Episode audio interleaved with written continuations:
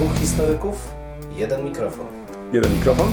Dwóch historyków? No nie, ale to znowuż mi wszedłeś w paradę. No tak zazwyczaj się dzieje. Profesor Krzysztof Równiewicz.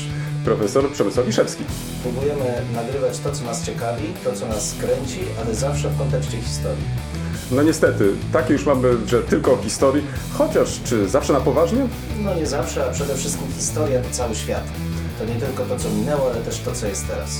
Chcemy pokazać, że w historii można poznawać się w różny sposób. Zdecydowanie w różny sposób i nawet można się nią bawić. Państwo wszyscy widzą, że się uśmiechamy, więc my się też bawimy nieźle. Bardzo dobrze. Dwóch Liczymy historyków, jeden mikrofon. Jeden mikrofon? Dwóch historyków. Dzień, Dzień dobry, dobry. koledze. Aśmy się zgrali. Ach, widzisz, no, myślałem, że cię zaskoczę, a tu nic. To ja cię zaskoczę. A No wiesz, dobrze. gdzie byłem? A wiesz, gdzie byłem? No właśnie, nie wiem, gdzie byłeś, wiem tylko, że w tym razem e, w, na dwóch kółkach, ale gdzie? A to na dwóch kółkach też, ale powiem ci, gdzie byłem wczoraj, a tego chyba jeszcze mi się to nie przydarzyło. Na Pchlim Targu byłem. O, a czego szukałeś? Szukałeś czegoś No. konkretnego? Wspierałem swoją e, żonę ukochaną, ale między innymi zakupiłem bardzo moim zdaniem aktualny traktat moralny Czesława Miłosza. O, no tak nie wiem, czy widać, ale... To byłeś na jakimś książkowym targu, tak? Nie, zupełnie, zupełnie nie bardzo fajne zjawisko, jakim są te takie targi uliczne, w sensie organizowane przez osoby mieszkające przy danej ulicy, które wystawiają różne drobne, drobne rzeczy. No i między innymi były, były tam też osoby, zresztą z naszej biblioteki, które wystawiły, wystawiały mm, książki różne, takie dziwne czasami. No i to wydanie Czesława Miłosza z 1980 roku, Traktat Moralny, bardzo mi się spodobało. Uważam, że jak najbardziej na czasie. Widzisz? I nie powiesz mi jeszcze z dedykacją autora. No nie, aż tak dobrze to nie ma, to nie byłoby mnie stać. Ach. Natomiast e, wiesz, to mi przypomina z kolei mm, Pchli Targ przed laty, w którym uczestniczyłem i faktycznie, mm, jak byłem przed wielu, wielu laty na stypendium w Monachium, to mm, jednej soboty byliśmy bardzo zaskoczeni, bo nasi sąsiedzi zaczęli wyciągać różne graty i stawiać przed domem. E, I faktycznie tam było mydło i powidło. Ale Mhm. to, co najbardziej mnie ujęło, to, że uczestniczyły też w tym dzieci. No, I muszę przyznać, że oni byli najlepszymi sprzedawcami. Bo tak, wystawiały różnego rodzaju zabawki, ale też zdarzały się w książki i tak dalej, i tak dalej. I strasznie negocjowały ceny. To, to tam nie było zmiłuj się. O ile ze starszymi jeszcze udało się szybko jakoś porozumieć, tak dzieci nie znały w ogóle wartości pieniądza, a to było zabawne. I rzucały kwoty, które były no, praktycznie z kosmosu. Pewnie gdzieś słyszały podczas e, rozmów Tak. e, rodzinnych, że 100 euro, 200 euro i tak Tak. dalej, i tak dalej. Ci rzucały takimi kwotami, więc człowiek nie bardzo wiedział, czy to dziecko e, tak myśli naprawdę, czy, czy, czy i takiej ceny żąda, czy też faktycznie nie. Ale oczywiście to wszystko było w, w kategorii żartu, zabawy. No i to właśnie najbardziej mi się podobało. To znaczy, że taka radość, nie wiem, czy Mhm. taka radość udzielała się także i e, wczoraj, jak e, brałeś Mhm. udział w tym mm, pchlim targu takim ulicznym. E, Ta ogromna radość, że można się spotkać z sąsiadami, można z nimi się wymienić, można porozmawiać, a to, że przy okazji zarobi się na to piwo, to chyba była sprawa drugorzędna, bo tak i tak później wszystko to się kończyło jakąś taką wspólną mm, imprezą e, uliczną, gdzie e, każdy znalazł coś dla siebie, czy jakąś tam kiełbaskę, czy jakieś piwo i tak dalej, i tak dalej. Także taki, taki element nazwałbym może nawet taki wspólnotowy, to znaczy taki wspierający trochę mm, e, tą taką e, anonimowość dnia codziennego, to znaczy, że wprawdzie się mijamy na tych e, klatkach schodowych, nie zawsze mówimy sobie dzień dobry, a tu proszę, jest akcja, można wspólnie potargować się, a na koniec jeszcze się zabawić. tak jest. Mi się to, dokładnie ten aspekt mi się najbardziej podobał. Tak jak mówisz, dzieci były, sprzedawały wszystko, od lemoniady po figurki, jakieś takie zupełnie, zupełnie dziwne, a nawet był jeden chłopczyk, który sprzedawał, uwaga, pancerfausta z jakiejś, z, taki strzelającego jakąś gruszką, no po prostu makabryczne to było, ale bardzo dziwne, bardzo dziwne rzeczy były. Ach, ja myślałem z kolei, że opowiesz coś o swoich e, wojażach rowerowych, ale pewnie te jeszcze chcesz zatrzymać e, na następny Jeszcze raz. nie dziś, jeszcze nie Jeszcze dziś. nie dziś. To co, to rozgrzaliśmy się do kolejnej części? Tak Myślę, jest, że tak. tak jest, tak jest. Nowinki, starowinki. Kto zaczyna? Wiesz, ja mogę zacząć. A proszę cię bardzo. Ponieważ nie chciałeś mówić o rowerach, to ja mm, powiem dwa zdania o rowerach. A co? Wczoraj wsiadłem na rower i postanowiłem w końcu zobaczyć tablicę, którą wykonało Stowarzyszenie Lokalna Grupa Zwiadowców Historii. To jest taka grupa bardzo aktywna, która działa mm, w Wielczu Laskowicach, ale także i w regionie. No i dzięki zaangażowaniu często młodych ludzi udaje się przywrócić do pamięci różne miejsca, które dotąd wydawało się są jakoś skryte. Nikt może nie chce o nich pamiętać. Jedną z takich chyba największych akcji to było stworzenie takiego miejsca pamięci w miejscu, gdzie kiedyś znajdowała się filia obozu y, koncentracyjnego Grossrosen w Miłoszycach Meleszwic. Bardzo ciekawa instalacja, zrobiona profesjonalnie, z rekonstrukcją planu obozu. To, to nie jest taka rzecz e, prosta, tu trzeba było faktycznie poszperać, poszukać. e. W każdym razie to się udało i to miejsce dzisiaj jest takim ważnym miejscem, gdzie mimo, że dużo pozostałości nie ma po, po tym obozie, to ta tablica informacyjna pełni właśnie taką funkcję, to znaczy przypomina, że w tym miejscu faktycznie przed laty znajdował się ten obóz i warto też o tym pamiętać. Ale nie o tym chciałem wspomnieć, mianowicie to, co mnie tym razem zainteresowało, to mm, informacja, którą przeczytałem jakiś e, czas temu, że ta, to wspomniane stowarzyszenie ufundowało tablicę informacyjną o najstarszym zamku, a właściwie ruinach zamku, em, który znajduje się w Wielczu Laskowicach. No i mm, postanowiłem wczoraj wsiąść na rower i pojechać tam i obejrzeć sobie to miejsce, a przede wszystkim poczytać em, tą tablicę. To może dwa, trzy zdania, jeśli pozwolisz, e, w ogóle o tym zamku, bo myślę, że mm, nie wszyscy może wiedzą, o co tak naprawdę chodzi. Jest to bardzo taki, jest to taka bardzo urokliwa ruina w dorzeczu Odry. Generalnie myślę, że warto jest e, na takie dorzecza też zwracać uwagę, bo często o nich e, zapominamy. Pochodzi z XIII-XIV wieku. Tutaj historycy się sprzeczają, e, kiedy faktycznie ten e, zamek zbudowano. Początkowo należał on do dóbr biskupa mm, wrocławskiego, a przed 1277 rokiem przeszedł w posiadanie księcia. To była kuria księcia wrocławskiego Henryka IV Probusa, czyli czasy tobie właściwie współczesne, to znaczy, gdybym ja miał powiedzieć o nie wiem, w latach 50., 60. XX wieku i uznał za współczesne czasy, to pewnie to, o czym teraz mówię, to dla ciebie jest ta właśnie współczesność. Po podziale księstwa wrocławskiego w 1311 roku zamek ten przeszedł na własność księstwa brzeskiego. Muszę ci powiedzieć, że niewiele znalazłem informacji, co się działo w następnych dziesięcioleciach. Natomiast e, znalazłem coś takiego, że w XVI wieku nabył ten zamek wrocławski mieszczanin Konrad Zauerman, a następnie przebudował go na nowożytną rezydencję z krużgankami wewnętrznego dziedzińca. No więc tutaj można powiedzieć, że w taki renesansowy sznyt ten zamek e, otrzymał, ale miał mało niestety szczęścia w następnych stuleciach. W XVII wieku częściowo e, spalił się, a tego dzieła zniszczenia, można powiedzieć, dokonała wojna trzydziestoletnia. Plądrowanie było na porządku dziennym, tak więc już w całości ten zamek nie został ponownie odbudowany.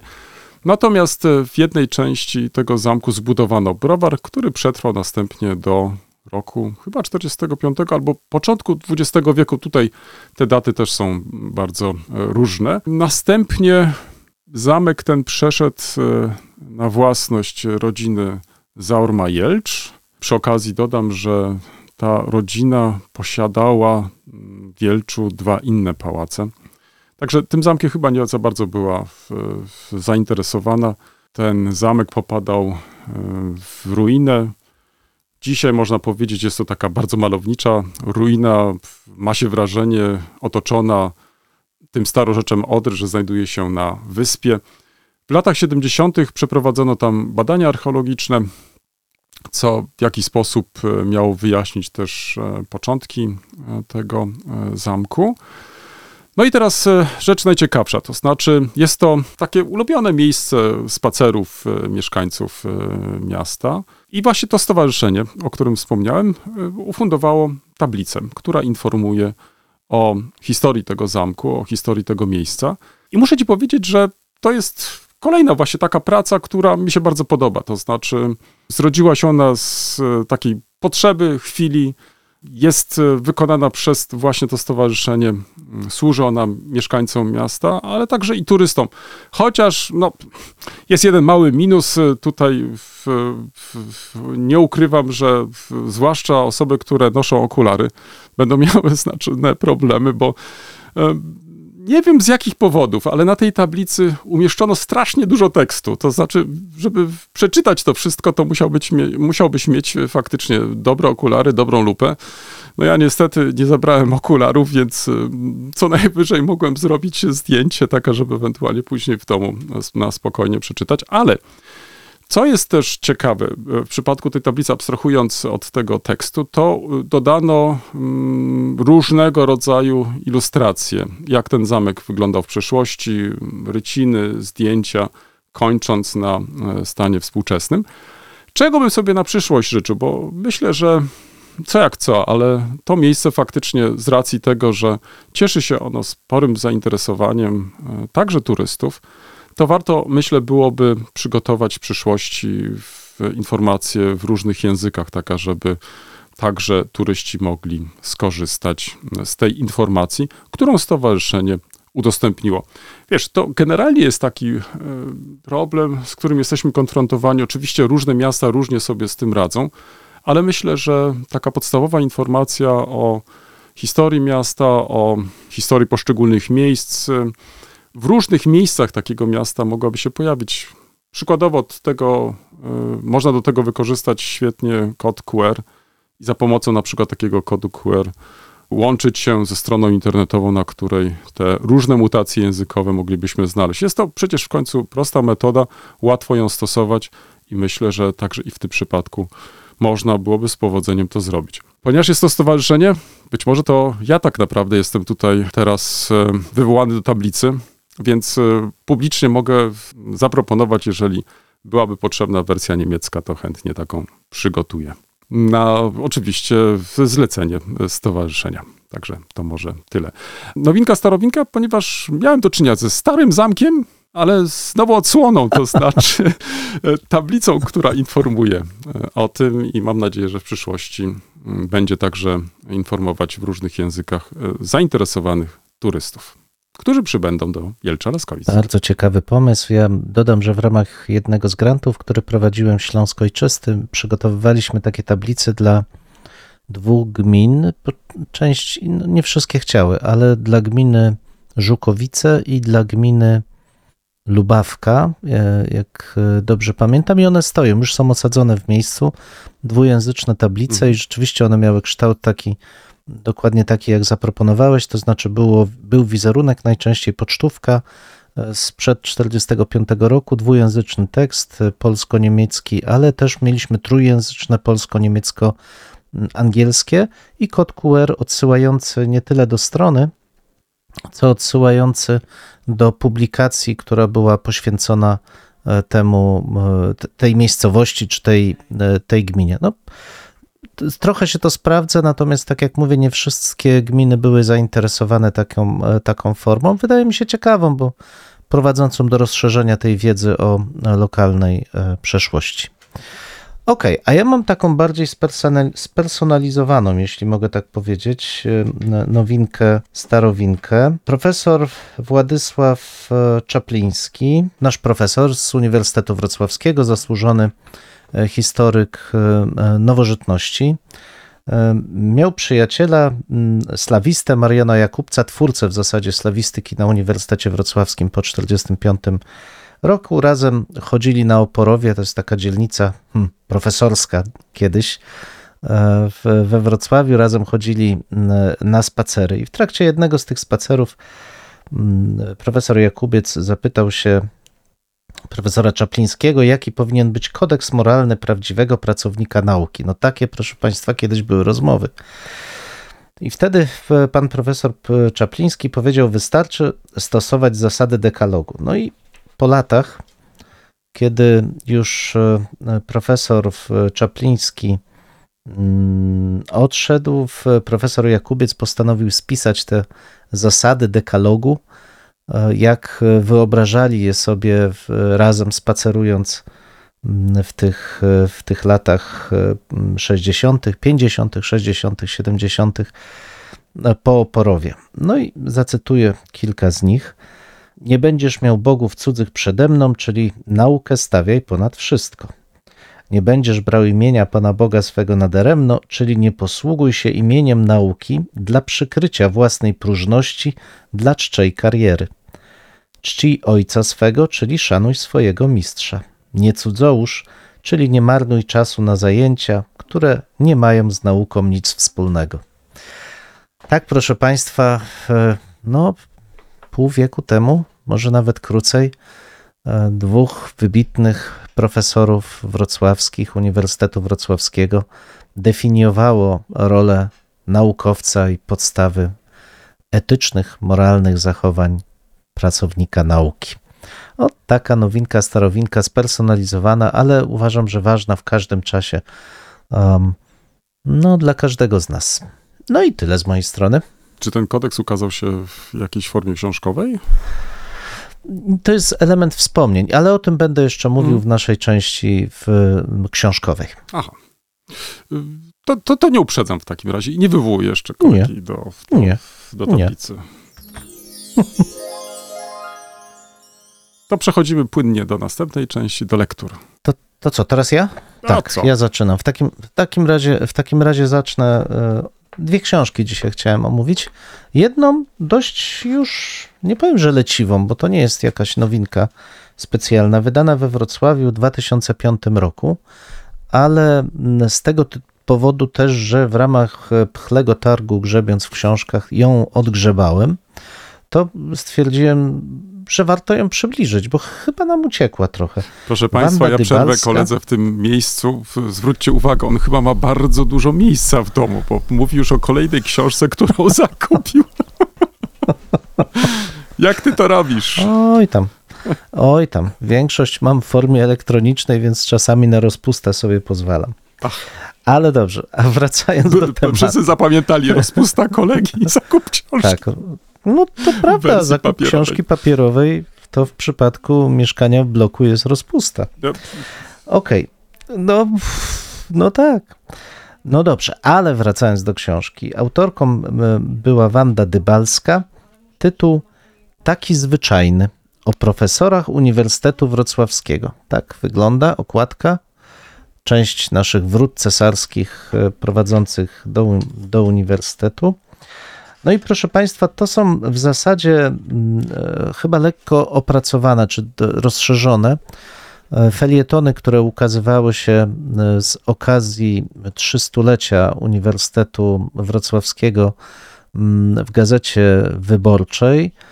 Poświęcony jest każdy z nich e, jednemu z e, profesorów e, uniwersytetu, tych, którzy zakładali albo od- odegrali kluczową rolę w powstaniu Polskiego Uniwersytetu we Wrocławiu, ale pod pewnym kątem. To znaczy, nie jest to biogram naukowy, choć oczywiście kwestia nauki zawsze tutaj się przewija, ale jest to próba spojrzenia na życie tych ludzi, znaczy w jaki sposób spędzali swój wolny czas, także w jaki sposób e, e, kreowali życie rodzinne, przyjaciół, wszystkie te rzeczy, które składają się na to życie codzienne. E, Pasjonująca lektura, oczywiście sporo anegdot, ale też widać przez pryzmat tej książki, jakim żywym ośrodkiem, niełatwym, ale żywym ośrodkiem intelektualnym był ten Wrocław w latach 50., 60. i 70. Ta, ta, ta feria kontaktów, spotkań, rozmów, e, trochę w nawiązaniu do tego, na co jak, jako już e, w Loży Szyderców przystało starszym panom narzekaliśmy w poprzednich odcinkach, to tutaj widać, jak bardzo żywy e, ten świat był w ubiegłych, w ubiegłych dekadach. Z ogromną przyjemnością, aczkolwiek niedosytem oczywiście czyta się, bo są to krótkie felietony, więc jeśli ktoś chciałby zapoznać się z tymi pierwszymi dekadami funkcjonowania Polskiego Uniwersytetu Wrocławskiego przez pryzmat życia profesorów zakładających ten uniwersytet, serdecznie polecam. Wanda Dybalska, taki zwyczajny, o profesorach Uniwersytetu Wrocławskiego. Tak, i to jest ta pierwsza książka, stąd właśnie tą pierwszą anegdotę z Nowinka Starowinkę zaczerpnąłem. A drugą książkę, o której chciałem e, trzy słowa powiedzieć, jest takie czaso, e, czasopismo Das Mittelalter, e, czyli średniowiecze dosłownie. W, specjalizuje się w interdyscyplinarnych badaniach nad średniowieczem. Wydaje w tej chwili Heidelberg to czasopismo. Niezwykle, niezwykle zasłużone, zresztą sam tytuł Perspektywę medievistischer Forschung, czyli perspektywy badań średniowiecznych, mediewistycznych, pokazują zamierzenie twórców i redaktorów tego czasopisma, ale w tym przypadku jest to numer poświęcony Hmm. Czemuś, co, co do czego ja mam pewien, pewną rezerwę, jeśli chodzi o nowoczesność, mianowicie wykorzystanie metod narratologicznych i narratologii jako sposobu dotarcia do w, późnego, późnej starożytności czy realiów funkcjonowania struktur mentalnych późnej starożytności i e, wczesnego e, średniowiecza. Z tym wszystkim, to znaczy z tym zastrzeżeniem, że niekoniecznie są to e, szczególnie nowe um, metody, bo z tym takim podejściem narratologicznym przecież spotykamy się od schyłku lat 90. XX wieku w e, mediewistyce przynajmniej. O, kiedyś odgrywała zresztą ta metoda dużo większą rolę, teraz mam wrażenie, że trochę się wycofuje, natomiast tutaj rzeczywiście mamy do czynienia z taką próbą bardzo silnego połączenia przez autorów, jest ich kilkunastu, e, studiów nad konkretnym typem, gatunkiem literackim, nie już e, kronikarskim, nie historiograficznym, ale literackim, bądź e, wybranymi typami źródeł, zwłaszcza żywotami, do przedstawienia tychże głównie mentalnych, jednak emocjonalnych struktur funkcjonowania w obu epokach, czy na, na tym przełomie starożytności i średniowiecza. Pojawiają się wybrane e, artykuły dotyczące historiografii. Tutaj zresztą jest to bardzo ciekawy e, Hele e, Wazenara, artykuł do, dotyczący przedstawienia mieszczan, ich autoidentyfikacji czy identyfikacji wspólnoty działania w postkarolińskiej e, historiografii, ale mamy też takie odniesienia do wyobrażeń przestrzennych, co mnie bardzo interesuje, e, opowiadając, opowiadając granice jako element e, wyobraźni geograficznej. Salvatore Licardo bardzo ciekawy artykuł przygotował. Co też jest warte dodania, czasopismo Da Later jest dostępne na licencji Open Access. Każdy, kto ma ochotę, może tę książkę sobie ściągnąć, poczytać, podobnie zresztą jak e, czasopismo. Serdecznie zachęcam, bo mówię, mimo że ja mam pewne wątpliwości, czy to jest naprawdę mm, nowe podejście do badań historycznych, jak sugerują e, sami autorzy, to jednak e, niektóre przynajmniej elementy, zwłaszcza te, tak jak wspominałem, odnoszące się do autoidentyfikacji, ale też do wyobraźni przestrzennej są naprawdę e, bardzo ciekawe. Warto zajrzeć, zobaczyć, czym pasjonują się nasi koleżanki i koledzy na zachód od Odry. I tyle z mojej strony na dzisiaj. Moje lektury w tym tygodniu poszły w całkiem innym kierunku, ale to chyba nie jest źle. Mam przynajmniej taką nadzieję. Mm, takim trochę punktem wyjścia do mm, tych moich z kolei poszukiwań, bo nie ukrywam, że Mm, trochę polegało to na tym, że przeczytałem jeden z ciekawych wywiadów, zaraz o nim dwa, trzy zdania, i to trochę spowodowało u mnie taki efekt kuli śnieżnej. To znaczy, zacząłem mm, sięgać po coraz to inne publikacje, które miały mi w jakiś sposób mm, jeszcze pogłębić tą problematykę, którą podjęto właśnie w tym mm, wywiadzie. A teraz o tym wywiadzie, który był takim, można powiedzieć, sprawcą. Mianowicie z dużym zainteresowaniem przeczytałem e, wywiad, który przeprowadziła Karolina Słowik z Aleksandrem Pustowyjem, nauczycielem historii w szkole podstawowej numer 141 w Warszawie oraz dyrektorem Sobotniej Szkoły Ukraińskiej. Temat e, tego wywiadu Szkoła bez zdrajców i bohaterów. Jak Ukraińcy zreformowali nauczanie historii.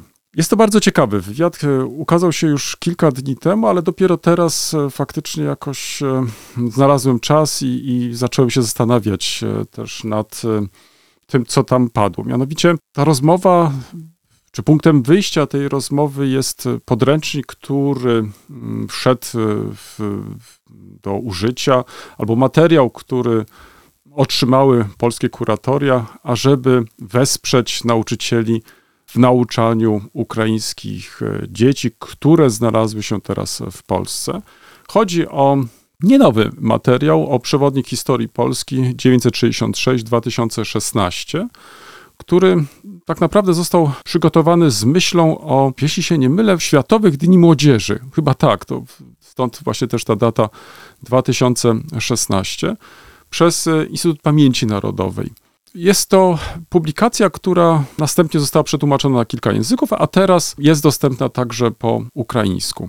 Jest to taka próba kazania historii Polski od tej takiej, można by powiedzieć, strony bardzo pozytywnej. To znaczy, tam nie znajdzie się jakichś e, rozważań, dylematów e, nad historią Polski, jej roli w Europie, ale także jeśli chodzi o mm, relacje z sąsiadami, także w tym konkretnym przypadku, jeśli chodzi o problematykę polsko-ukraińską, to ona została potraktowana marginalnie. Tu zacząłem się zastanawiać, kiedy czytałem ten fragment wywiadu, jak to jest właśnie z takimi publikacjami, które są kierowane do zagranicznego czytelnika, to znaczy mm, na ile mm, powinniśmy uwzględnić specyfikę adresata, do którego kierujemy ten przekaz. W tym przypadku wydaje mi się, że mając na uwadze, że upłynęło trochę lat od y, opublikowania tej książki w 2016 roku i myślę, że przygotowując to tłumaczenie, warto może było zastanowić się, czy nie uwzględnić jednak specyfikę także kraju, do którego lub też osób, do y, których będzie się kierować y, tą publikację, czyli do młodych Ukraińców, ażeby jednak zwrócić uwagę na różne aspekty, które z jednej strony są być może im znane z ich z lekcji historii, ale z drugiej strony zachęcają też do jakiejś takiej debaty, dyskusji. Bardzo wyraźnie mówią o tym w jednym z podcastów znani nam już nauczyciele. Myślę tutaj o podcaście Podcasterix, który przygotowali już kilka tygodni temu. Teraz odświeżyłem sobie ten, ten właśnie materiał, w, przygotowując się do naszego odcinka i jest to materiał, który wyemitowali 28 lutego tego roku. I postawili pytanie, na co nauczyciel historii powinien uważać, mówiąc o wojnie w Ukrainie. I w chwili, kiedy sięgniesz, e, jeżeli Państwo znajdziecie czas i też sięgniecie sobie do tego odcinka, to przekonacie się, że wspomnianych trzech nauczycieli, autorów tego podcastu, w sposób bardzo wyraźny mówią i ostrzegają, że mówienie o Ukrainie dzisiaj nie powinno być przypadkowe, że są to trudne tematy, zwłaszcza w kontekście wojny. No i powinniśmy unikać e, pewnych uogólnień czy też uproszczeń. Ja myślę, że mm, w ustach nauczycieli to, to jest bardzo poważny problem, ponieważ e, mm, często są konfrontowani z brakiem materiałów, e, może nie zawsze mają pod ręką taki, czy in, taką czy inną pomoc, ale z drugiej strony apelowali ci nauczyciele właśnie, żeby do tej sprawy podchodzić w sposób bardzo poważny i z dużym wyczuciem. Ja myślę, że tutaj czego mi zabrakło może właśnie w tym podręczniku, w tym materiale, to właśnie takiego podejścia. To znaczy, żeby nie mechanicznie tłumaczyć jakiś materiał, tylko po prostu, żeby jednak, na ile to jest możliwe, dostosować go do obecnych wymogów. Tak się jednak nie stało. To może trochę dziwić, ponieważ wcześniej ukazał się inny materiał e, pod redakcją m.in. profesora Mędrzeckiego dotyczący historii Polski, także całego okresu historii Polski, od początków aż po współczesność, w języku ukraińskim. I publikacja ta ma całkiem inny charakter, to znaczy jest y, napisana przez różnych specjalistów od poszczególnych epok i ta historia jest bardziej zniuansowana, jest bardziej zróżnicowana. I być może, może to jest to przypuszczenie, że tu mm, tak naprawdę nie chodziło o to, żeby na tym etapie niuansować ten obraz, tylko żeby możliwie szybko przedłożyć jakiś materiał po ukraińsku, żeby uczniowie mogli z tego skorzystać. Być może w przyszłości dowiemy się coś więcej o intencjach skierowania tej publikacji do tłumaczenia, następnie do szkół.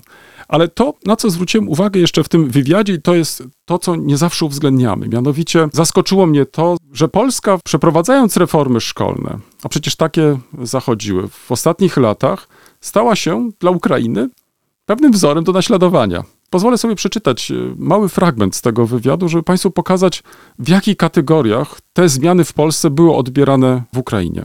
Nasz rozmówca mówił. W Polsce próbowano wtedy wdrażać krytyczne podejście do nauczania własnej historii. Wasz program nieco bardziej skupiał się na dyskusjach, plusach i minusach, próbie nieczarno-białego spojrzenia na historię. Bohater nie musiał być wyłącznie dobry albo zły. I my po rewolucji godności w 2004 roku próbowaliśmy pójść w tym kierunku. Pierwsze próby nowych nauczycieli akademickich kończyły się awanturami, oskarżeniami o zdradę narodową. Musiało parę lat minąć, żeby zaczęli to rozumieć. Ten wywiad jest bardzo ciekawy, to znaczy tam jeszcze zwraca się w nim uwagę na to, jakie tematy często się pojawiają historyczne w Ukrainie, jakie budzą jeszcze kontrowersje. Odsyłam do tego wywiadu. Jeszcze raz przypomnę, tytuł Szkoła bez zdrajców i bohaterów, jak Ukraińcy zreformowali nauczanie historii. Wywiad przeprowadziła Karolina Słowik. Ale ponieważ zaczęło mnie to interesować. Zacząłem się zastanawiać, co w takim razie zrobiono na rzecz e, tego zbliżenia polsko-ukraińskiego, jeżeli chodzi też o dyskusję polsko-ukraińskie. I wyobraź sobie, trafiłem na bardzo ciekawy materiał. Nie ukrywam, że jakoś ten raport, bo o nim teraz myślę, jakoś mi po prostu umknął. Chodzi tutaj o raport e, z badania ilościowego i jakościowego na temat, na temat e, Ukraińcy o historii, kulturze i stosunkach polsko-ukraińskich. Jeśli sięgniesz sobie do tego materiału z 2017 roku, który został wydany przez e, Narodowe Centrum Kultury i Instytut Studiów Politycznych PAN, to w jednym z wniosków tego badania można znaleźć taką konstatację i ją chciałbym przybliżyć. Najważniejszymi wydarzeniami z historii stosunków ukraińsko-polskich w pamięci zbiorowej Ukraińców okazały się po pierwsze konflikt kozaczyzny z pierwszą Rzeczpospolitą, po drugie walki i próby współpracy z lat 1918-1921. Po trzecie, zbrodnia na Wołyniu i w Galicji Wschodniej w latach 43-44 oraz akcja Wisła z 1947 roku. Po czwarte, represje doznane przez oba narody od Związku Radzieckiego i III Rzeszy oraz walka przeciw tym okupantom. Po piąte, pomoc Polski dla Ukrainy od 1991 roku.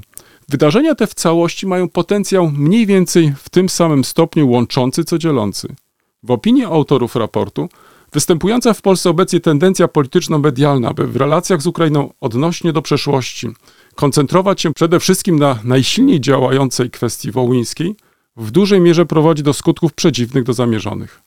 O ile bowiem ukraińska inteligencja bardzo krytycznie wypowiada się o polityce pamięci własnego państwa w ogóle, o tyle jednocześnie przeważnie postrzega politykę pamięci polskiej wobec Ukrainy w sprawie Wołynia jako jednostronną, unikającą wyznania polskich win sprzed 1939 roku oraz nierespektująca godność adresata. Przywołuję ten raport z 2017 roku, żeby pokazać, że już wtedy mieliśmy sporo materiałów do przemyśleń, jak y, inaczej tworzyć różnego rodzaju programy, publikacje, które mogłyby dotyczyć naszych wschodnich sąsiadów, a tu w tym konkretnym przypadku Ukraińców. Trochę szkoda, bo kiedy teraz czytam wypowiedzi czy ministra, czy też e, przedstawicieli różnych instytucji, to, to mam wrażenie, że e, nie są zainteresowani tym szukaniem tego, co było wspólne w tej wzajemnej przeszłości, tylko bardziej podkreślania tego, co nas dzieliło. Nie wiem, czy to jest dobry moment, ażeby w taki sposób e, zajmować się relacjami bilateralnymi. Ale to nie są jedyne tematy, które mnie ostatnio zainteresowały, chociaż e, nie ukrywam, że w nurcie e, takim wschodnim dalej pozostawałem i tutaj trafiłem na książkę bardzo ciekawą Sergieja Plochiego, Plochy, być może tak to się wypowiada, ukraińskiego badacza, który pracuje na zachodzie. Kwestia rosyjska, jak budowano naród i imperium. Kraków 2019, więc nie jest to książka nowa, ale książka, która jak najbardziej wpisuje się w dyskusję, którą dzisiaj toczymy na temat sposobu postrzegania narodu przez Rosję i tego, jakie widzi granice tego narodu. Jest to bardzo ciekawy wykład, e, bardzo szczegółowy, ale zwrócony przede wszystkim na to, e, jakie były podstawy tworzenia narodowości rosyjskiej, jak tworzono mity, do czego nawiązywano. Dalej, jaki jest dzisiejszy stosunek także do e, Rosji, do narodu, a to, co właśnie obserwujemy, także do Ukraińców. Więc wydaje mi się, że jest to bardzo ciekawy materiał do przemyśleń i tworzenia różnego rodzaju zestawień, ponieważ e, w tym wspomnianym przeze mnie odcinku podcast Terixa. Nauczyciele zastanawiali się, czy można porównywać ideologię nazistowską z ideologią e, rosyjską, mając na uwadze, czy tym kluczem e, do tego porównania miało być podejście do imperializmu.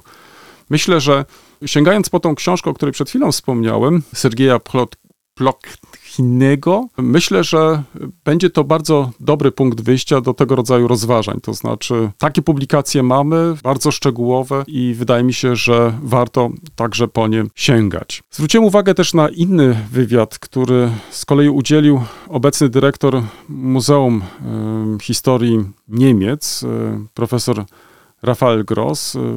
W ostatnim wydaniu Frankfurter Allgemeine Zeitung i jeśli pozwolisz, to dwa, trzy zdania o tym wywiadzie, bo wydaje mi się, że może on zainteresować także i naszych e, słuchaczy. Tym bardziej, że o, widzisz, chyba za dużo mówię, niestety. Czyli telefon, proszę się skracać. Myślę, że zaraz to minie. I Dlaczego ten wywiad jest taki dla mnie ważny i chcę go przytoczyć? Mianowicie to nie jest tylko próba podsumowania pięcioletniej pracy profesora Grossa na tym stanowisku, ale też profesor Gross dzieli się informacjami o planach e, swego muzeum. Tu trzeba i warto może um, zaznaczyć, że wystawa stała, bo o niej też mówi, istnieje od 2006 roku i kończy się na zjednoczeniu Niemiec i bezpośrednich skutkach. Od 2006 roku do dzisiaj sporo minęło czasu i z y, tej perspektywy roku 22 można spojrzeć na historię Niemiec, nawet tą naj, najnowszą lub też nowszą, najnowszą, jak to czasami się określa, już trochę inaczej. I dlatego zapowiada profesor Gross nie tylko powstanie nowej wystawy, która ma być otwarta w 25 roku, ale także pojawienie się tematów, które dotąd nie pojawiły się e, na, tej wystawie. Mianowicie chodzi tutaj o całą dyskusję dotyczącą przeszłości kolonialnej Niemiec, dalej spraw dotyczących e, gender. No i e, to, co nas e, z kolei może zainteresować, to jest też zapowiedź utworzenia Centrum Dokumentacyjnego II wojny światowej i okupacji niemieckiej. I tu pozwól, że dwa, trzy cytaty, które wybrałem, taka, żeby zilustrować może ten problem i to, w jakim kierunku te plany podążają. Ein künftiges Problem für das DHM könnte darin bestehen, dass immer mehr staatliche Institutionen gegründet werden, die sich mit historischen Themen beschäftigen. Pytał dziennikarz Andreas e, Kilp z Frankfurter Allgemeine Zeitung. Problemem dla DHM, czyli dla muzeum, w przyszłości może być fakt, że powstaje coraz więcej instytucji państwowych zajmujących się tematyką historyczną. Planowane pod pana kierownictwem Centrum Dokumentacji II wojna światowa i okupacja niemiecka w Polsce, które zostało właśnie zatwierdzone przez rząd federalny, ma szansę stać się taką instytucją. Pański projekt mówi o 15 tysiącach metrów kwadratowych powierzchni użytkowej. Czy ten budynek jest dodatkiem do już istniejących miejsc pamięci, czy czymś zupełnie nowym? Odpowiedź profesora Grossa. Nie będzie to pomnik, ale miejsce dokumentacji z wystawami, działem badawczym, biblioteką, archiwum, programem stypendialnym. Instytucja, która skupi się na całym wymiarze niemieckich zbrodni, jakich doświadczyła Europa w latach 1939-1945. W tym okresie pod okupacją niemiecką żyło 230 milionów ludzi. Za każdym razem, gdy pojawiają się problemy w procesie jednoczenia się Europy, ta historyczna folia znów wysuwa się na pierwszy plan – czy to podczas kryzysu finansowego w Grecji, czy teraz w relacjach Niemiec z Polską lub Włochami. I dalej. Inwazja Rosji na Ukrainę po raz kolejny uświadomiła pilną potrzebę realizacji tego projektu. Doświadczamy teraz, niemal w czasie rzeczywistym, jak zmienia się pamięć o II wojnie światowej i jak ta pamięć jest wykorzystywana do legitymizacji nowej wojny. Tym ważniejsza jest interwencja demokratycznego państwa, jakim jest Republika Federalna, za pomocą środków wolnej nauki i prezentacji muzealnych, odpowiada profesor Gross. W ten sposób można wykazać, że Rosja nie była jedyną ofiarą ani zwycięzcą II wojny światowej. Nadal bardzo brakuje wiedzy o tym, co tak naprawdę działo się pod okupacją niemiecką na Białorusi czy na Ukrainie. Koniec cytatu. Wybrałem dwa cytaty z tego bardzo ciekawego wywiadu, który udzielił profesor Gross dziennikarzowi e, niemieckiemu Andrasowi Kilbowi e, we Frankfurter Allgemeine Zeitung. Zachęcam do lektury całości tego wywiadu. Pojawiło się tam jeszcze szereg innych ciekawych wątków, ale mm, mając na uwadze czas, e, pominę je teraz. I już naprawdę na koniec. Ostatni odcinek wymienianego przeze mnie tu już kilkakrotnie podcastu Podcasterix. Y, tym razem zajmuje się trudnym tematem, myślę, że nie tylko w szkole, ale generalnie także w naszej przestrzeni publicznej, czyli jak rozmawiać o katastrofie w Smoleńsku. Odsyłam Państwa do tego podcastu, choć nie ukrywam, że odczuwam pewien niedosyt. To znaczy, kiedy słuchałem, to z jednej strony y, jestem pełen podziwu dla, dla tych nauczycieli, w to w jaki sposób empatyczny podchodzą do tego tematu. To znaczy, jak starają się zracjonalizować y, często bardzo emocjonalne dyskusje w Polsce, zastanawiając się między innymi, czy można wyjść od interesu państwowego, czy można na przykład od e, wspólnotowego, czy należy rozważać e, różne teorie spiskowe i tak dalej, i tak dalej. Ale jedna rzecz mi zabrakła w tym e, bardzo ciekawym podcaście, to też, że wielokrotnie ta problematyka w Polsce jest instrumentalizowana i wykorzystywana na potrzeby, na potrzeby bieżącej polityki. I myślę, że to też warto mm, w jakiś sposób wypuklić. Być może jest to też temat, o którym powinno się rozmawiać e, z uczniami. Niezależnie od tego, mm, jest to jak zwykle odcinek bardzo inspirujący i taki, który nie pozostawia nikogo obojętnym. Powinieneś mi przerwać, bo jak zwykle rozgadałem się. Ale już w tym miejscu Ale kończę. Zrobiłeś, Stawiam kropkę. Zrobiłeś dobre wprowadzenie do naszego głównego tematu, więc myślę, że spokojnie możemy już puszczać krasnoludki. No właśnie, co będzie naszym dzisiejszym tematem? Trochę wynika z tego, o czym mówiłeś, prawda? Czyli e, w jaki sposób ta historia hmm, powinna funkcjonować, czy mogłaby funkcjonować, czy jak to ująć? Hmm. Znaczy, jak, jaka, jaka historia w społeczeństwie demokratycznym powinna być uczona? Czy to jest w hmm. ogóle dobre, hmm. dobre podejście do, do tematyki? Bo tak, i, tak jak ci sygnalizowałem, to Trochę się boję, czy tu nie za, zaczęlibyśmy mm, sugerować, że jesteśmy zwolennikami polityki historycznej tylko o w tym przypadku, czyli takiej, która wspiera społeczeństwo demokratyczne. Ja bym się bał takiego podejścia, ale, ale z drugiej strony ja żywię przekonanie, że właśnie nauczanie historii, tej historii e, racjonalnej, wieloczynnikowej, interdyscyplinarnej, w sposób zupełnie naturalny będzie wspierało rozwój społeczności demokratycznej opartej o dobro wspólne, o dyskurs, o uzgadnianie, a nie krzyk w, w, ramach, relacji, w ramach relacji wspólnych. No, no nie wiem, jak ty to widzisz?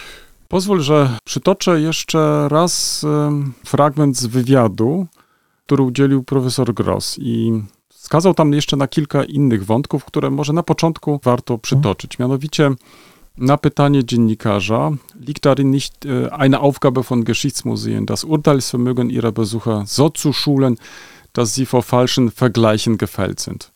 Czy nie jest to jedno z zadań muzeów historycznych, tak kształcić osąd zwiedzających, aby byli oni odporni na fałszywe porównania? Niedawno w Financial Times e, przeczytałem zdanie Simona Shama, Szamy. Zła historia może zabić. To też może chciałbym jakoś szczególnie podkreślić to zdanie. Zła historia może zabić. chodziło o wypaczenie przez Putina historii jego korzeni w stalinizmie i nazizmie. Jeszcze w styczniu takie zdanie chyba nie zostałoby wydrukowane, bo uznano by je za bezlitosną pychę historyka, odpowiada profesor Gross. Dziś jest to strzał w dziesiątkę. W tym kontekście musimy dokładnie przemyśleć, w jaki sposób my, demokraci, traktujemy historię, jak ją pielęgnujemy, aby przypominała nam o teraźniejszości i ją korygowała. Pamięć i historia są dziś ważniejsze niż kiedykolwiek. W krajach rządzonych autorytarnie muzea historyczne stały się polem bitwy o ideologicznie ukształtowany obraz historii. Dlatego być może nieprzypadkowo Olaf Scholz powiedział na koniec swojej konferencji prasowej po zamkniętym spotkaniu w Merseburgu, tak, a teraz uruchamiamy także ośrodek dokumentacji II wojny światowej i okupacji niemieckiej. To pokazuje, jak ważny jest to temat dla nas wszystkich. Sięgnąłem do wspomnianego artykułu profesora Szamy i wynotowałem sobie takie zdanie. Link do tego artykułu zamieścimy do naszej audycji. Bad history can kill. Zła historia może zabijać. Ci, którzy kaleczą, prawdę mogą w końcu kaleczyć ludzi. Każdego dnia wiadomości z Ukrainy mówią same za siebie. Można by pomyśleć, że w obliczu klęsk egzystencjalnych, ekologicznych i biologicznych, nękających świat, nawet najbardziej uzależniony od imperium, rządny władzy despota będzie miał lepsze rzeczy do roboty niż prowadzenie wojny w imię historycznych mitów i bajek. I to, co jest dla mnie tutaj takim podsumowaniem, przynajmniej na tym etapie jego rozważań, ale nie. Gdzieś w umysłach tyranów tkwi dziwna chęć bycia profesorem, chęć przykrycia makiawelicznej brutalności powagą naukowego autorytetu. Zwróć uwagę, tutaj jest kilka wątków, które i ty poruszyłeś, i poruszył Rafael Gross i profesor Szama. Mianowicie to, czy budując społeczeństwo obywatelskie, w jakiś sposób e, wspierając e, także społeczeństwa liberalne, nie zapomnieliśmy o historii, to znaczy, czy e, przestaliśmy traktować historię, albo inaczej, zrezygnowaliśmy z, z tego zdania, że historia może w rękach nieodpowiednich ludzi być po prostu narzędziem, że może być wykorzystywana. Że tak naprawdę naszym zadaniem, nazwijmy to może w ten sposób, demokratów lub też tych, którzy, dla których wartości zachodnioeuropejskie są po prostu istotne, że także naszym zadaniem powinno być o tej historii dyskutować, pokazywać ją w, w różnych kontekstach, w jaki sposób Mm, analizując ją, pokazywać za i przeciw, niuansować ją. Ja wiem, że to dla wielu może być e, w, w, nudne, że dla wielu może to być e, też jakaś zbędna praca, ale wydaje mi się, że jeżeli my tej pracy nie wykonamy, no to wykonają za nas właśnie ci pseudo-naukowcy w stroju polityków, którzy tak naprawdę traktują historię jako narzędzie w walce politycznej. No i teraz e, to, w jaki sposób e, czyni to Putin, to widzimy to e, na naszych oczach. I to tak naprawdę nie jest ważne teraz, czy um, używane przez niego pojęcia nazizmu, nienazizmu i tak dalej mają coś wspólnego z rzeczywistością. Jest to dla niego tylko pretekst, żeby używając konkretnych e, pojęć, nadać im nowe znaczenie. To znaczy, żeby e, tak naprawdę zrobić coś takiego jak grubą kreskę i pokazać, że teraz on jest tym, który narzuca sposób widzenia i patrzenia. I teraz dla nas naturalnie jest to kluczowe pytanie, czy my z takim punktem widzenia powinniśmy się zgadzać. Czy no po prostu nie za, zarzuciliśmy trochę tej naszej właściwej pracy. Dlatego przykładowo utworzenie choćby tego wspomnianego przeze mnie centrum, czy też e, ośrodka jest tak ważne. To znaczy, oczywiście ktoś może powiedzieć, przecież w różnych krajach istnieją już muzea, które pokazują II wojnę światową. Przecież w Polsce mamy też muzeum pokazujące II wojnę światową. No ale widać z tego, że dzisiaj nie wystarczy utworzyć w jednym państwie czy w innym e, takie muzeum, tylko być może powinniśmy się zastanowić, nad dyskusją o naszych narracjach, to znaczy e, i też nie chcę być źle zrozumiany, tu nie chodzi o stworzenie jednej narracji, takiej, która by obowiązywała, bo przecież nie o to chodzi, ale przynajmniej uświadomić sobie, jak ważną rolę, także w dzisiejszych społeczeństwach demokratycznych, pełni historia i pełnią historycy. To nie tylko dlatego, że, że chcę podkreślić jakąś naszą szczególną wagę, ale wracamy do tego chyba utartego jakiegoś takiego stwierdzenia, które często się przewija, że narody bez historii praktycznie nie istnieją. To znaczy, że tu powinniśmy faktycznie w sposób taki szczególny wspierać nasze państwa, nasze e, społeczności, a żeby mm, były świadome tej historii, a równocześnie potrafiły w jakiś sposób zabezpieczyć się przed tymi fałszywymi informacjami, które w końcu do nas też dochodzą. Strasznie dużo wątków. Zresztą, wiesz, ten temat przewija się przez nasze audycje już od dwóch lat w gruncie rzeczy, bo przecież, tak jak wspomniałem, polityka historyczna jest właśnie próbą tworzenia bardzo specyficznej narracji, profilowania narracji historycznej pod kątem specyficznych celów danej grupy rządzącej, czemu ja od zawsze byłem przeciwny i, e, i zawsze dawałem temu, e, temu wyraz. Stąd też te moje obawy na początku, czy nie chcemy zasugerować jakiejś specyficznej polityki historycznej dla społeczeństw demokratycznych. Ale tu w tym, co i cytowałeś, i w tym, co mówiłeś, wydaje mi się, że warto mm, na jeszcze jedną przynajmniej rzecz zwrócić uwagę, bo ja nie mam przekonania, że, że w, po pierwsze w tym boju o, o pamięć, o tożsamość e, wielką wagę przywiązuje się do historyków. Wręcz przeciwnie, to raczej popularyzatorzy historii, a właściwie popularyzatorzy mitów historycznych, narracji o charakterze odnoszącym się do przeszłości, toczą boje o świadomość e, różnych grup społecznych. Bo absolutnie masz rację, nie ma narodu bez historii, bo tak naprawdę to mity, opowieści, tak różne dyskursy dają nam poczucie wspólnoty i to one decydują o tym, że czujemy się właśnie jakąś odrębną grupą e, etniczną czy odrębną grupą państwową, narodową. W porządku.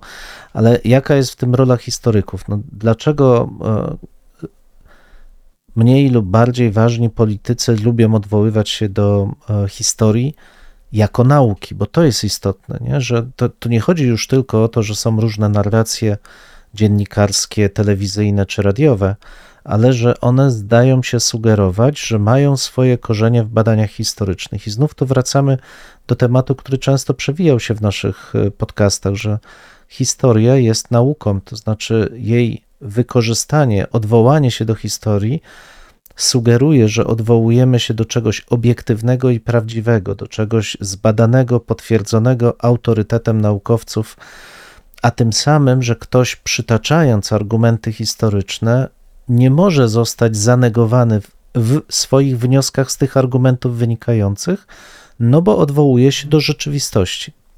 I tu jest clue chyba, to znaczy, żeby rzeczywiście miało miejsce ten taki ciąg logiczny, no to po pierwsze trzeba odwołać się faktycznie do bieżących badań historycznych, czego w praktyce nikt z polityków nie robi. Nie spotkałem jeszcze takiego polityka.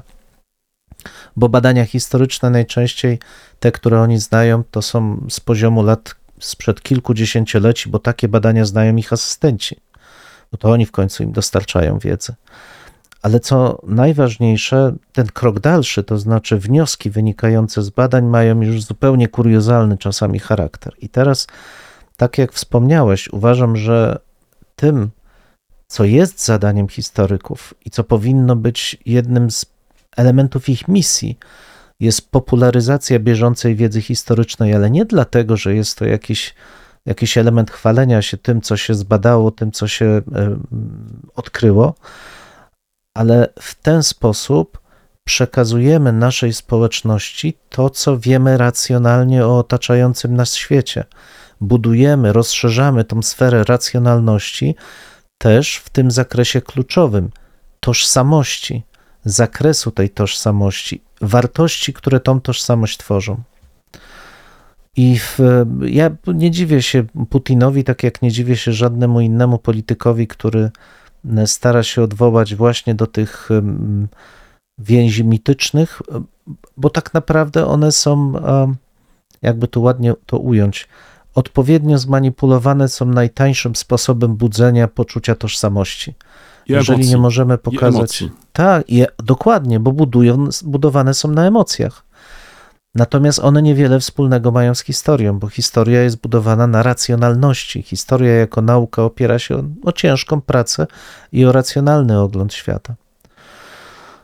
No i teraz pytanie w takim razie, jaka, jaką rolę ma odgrywać, czy w jaki sposób ma funkcjonować historia w społeczności demokratycznej? A, a ja bym odpowiedział taką jak nauka w ogóle, to znaczy ma być traktowana poważnie i jedyne co ma pokazywać realne wyniki swoich badań, czyli próbować pokazać, że to, co nas łączy, to jest rzeczywistość i że staramy się zrozumieć tą rzeczywistość, a zatem staramy się zrozumieć samych siebie w obrębie całego tego morza informacji z pomocą naszego rozumu, bo to jedyna droga do współpracy, do porozumienia.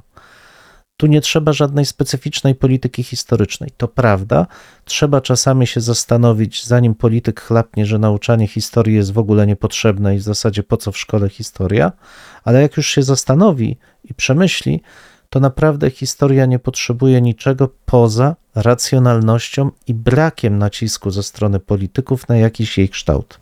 Zwróć jeszcze uwagę, że ważnym takim elementem jest praca komisji mm, różnego typu historycznych.